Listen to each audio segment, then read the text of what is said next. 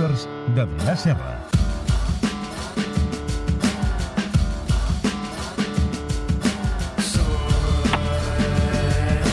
Adrià Serra, bona nit, com estàs? Bona nit, bé. Millor que Sant Paoli. Home, No? bastant millor que Sant Millor, Pol i amb més cabells. I millor que Higuaín, també. Amb menys pes. Amb menys pes, això segur. Bé, avui parlem de- d'esportistes. Avui parlem d'esport... Sí, sí, sí. sí En actiu. D'esportistes en actiu, Cracs. supercracs, Però però... Anava a dir curtets, però, però no. Raros, no sé, amb, amb, amb teories estranyes. poc instruïts Poc o, instruïts... o massa eh, instruïts. O, sí, que miren massa internet, jo crec. Ja. Massa webs rares. S'ha de vigilar. S'ha de vigilar, s'ha A de vigilar perquè és una mica esportistes contra la ciència. Vale? Llavors, No pinta bé. No pinta bé. No pinta bé. Recordaràs l'any passat a l'All-Star hi va haver una gran polèmica perquè Kyrie Irving, estrella dels Boston Celtics, va, bueno, va esclatar que havia declarat que la Terra és plana. Sí. Vale? Que ell creia que la Terra era plana. Ah, i, bueno, vam parlar-ne aquí, allò... Sí, sí, sí, recordo, el recordo. planeta pizza, no? És a dir, Sí. sí. no? tot pla i els... Un costat i l'altre. Exacte, doncs els continents, l'oceà, les persones, tots estem allà posats com ingredients. Com un mapa. Exacte, allà a sobre de la pizza. Bueno, això, que va haver-hi molta polèmica amb el Kyrie Irving i tal, després d'ell van anar sortint altres jugadors de NFL i NBA, sobretot, que van donar certa credibilitat a aquesta teoria. Ara, Ahà. Ja sabem que és una teoria, doncs, no sé, eh?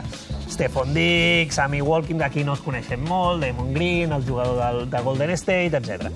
Clar, què passa? La seva principal preocupació és que ells no veuen mai la curvatura de la Terra Ja. quan van pels llocs. Ja. El que ens passa a la majoria. Oh, la majoria hauríem bé, de ser molt alts, diríem, per, per poder veure-ho. En realitat, el, el, jo ho he buscat i en l'esport l'únic que recordo on, on fóssim conscients de la curvatura de la Terra són els capítols d'Oliver i Benji. Sí, que allà sí que el camp el donava camp, volta. diríem que anaven corrent i anava apareixent la porteria per l'horitzó És veritat. això es va calcular matemàticament, hi ha un tio que va calcular, un físic, que els camps feien 18 quilòmetres de llarg per, per poder captar A- la a- curvatura apreciar. i els xavals corrien a 150 quilòmetres per hora.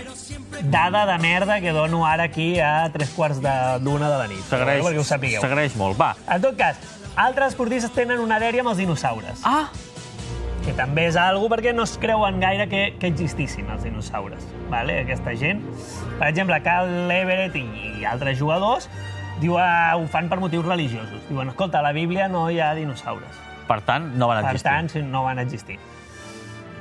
La Bíblia no és el millor manual de zoologia que s'ha escrit. Jo crec que no. Ah, no, no, vull dir, es van deixar moltes espècies a la Bíblia que no, que no hi eren, i els dinosaures tampoc. No, no hi feu molt de cas. D'altres jugadors, com William Hayes, J.J. Watts, jugadors d'aquests de l'NFL i tal, aquí no coneixem gaire, tenen la teoria que els propis paleontòlegs enterren els ossos a terra. Oh, que fan trampa. Eh, Sí, sí, sí.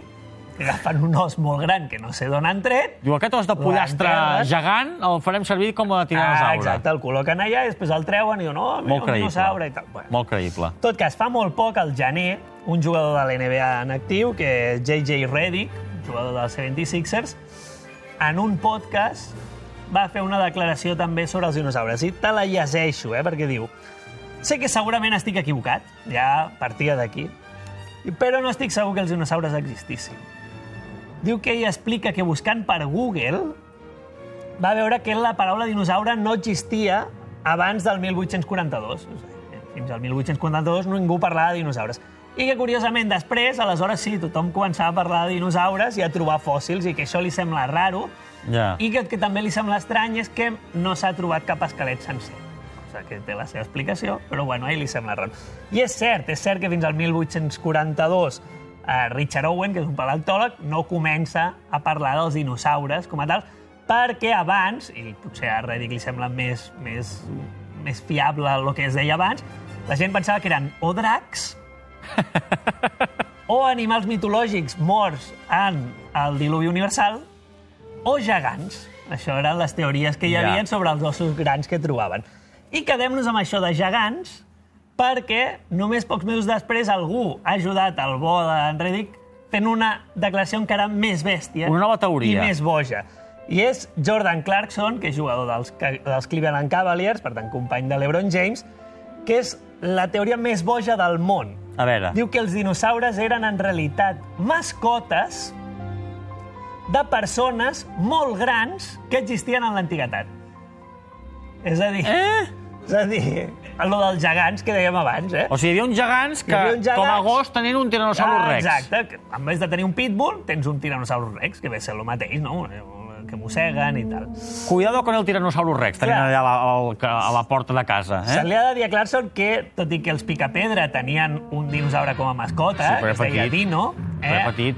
Hi ha 60, més de 60, anys, de 60 milions d'anys de diferència entre els dinosaures i els humans. És a dir, que no ens hi hem trobat mai junts, eh? No sé entre els gegants, que no sé, i els humans. Però, ai, els dinosaures, en tot cas. Uh, però a Clarkson, clar, li van dir, escolti, però quan grans eren aquestes persones per tenir com a mascota un dinosaure? I ell, amb un mètode científic molt clar, va dir, doncs tres vegades Ja està. més o menys. S'ha de dir que, clar, hi ha dinosaures que tenen la mida d'un ocellet i hi ha dinosaures que, com el Patagotitan, que és el més gran que jo he trobat, que foten 70 metres i pesen també 70 tones. Eh, lo qual voldria dir que les persones aquestes gegants haurien d'estar sobre els 210 metres d'alçada. A mi em sembla un punt precipitada, aquesta Bueno, he buscat. L'Hotel Ars pot 154 metres. És a dir, seria com un taburet per a aquesta gent uh, que, que, que pensa Clarkson.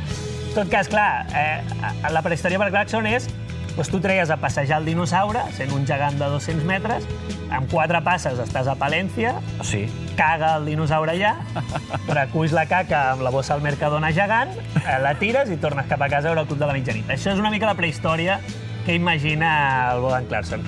Eh, per arreglar una mica la cosa. Perquè tu diràs, hòstia, sí, vale, el, els jugadors no en saben de ciència, però els científics no saben d'esports. No són bons esportistes. Bé, doncs mentida.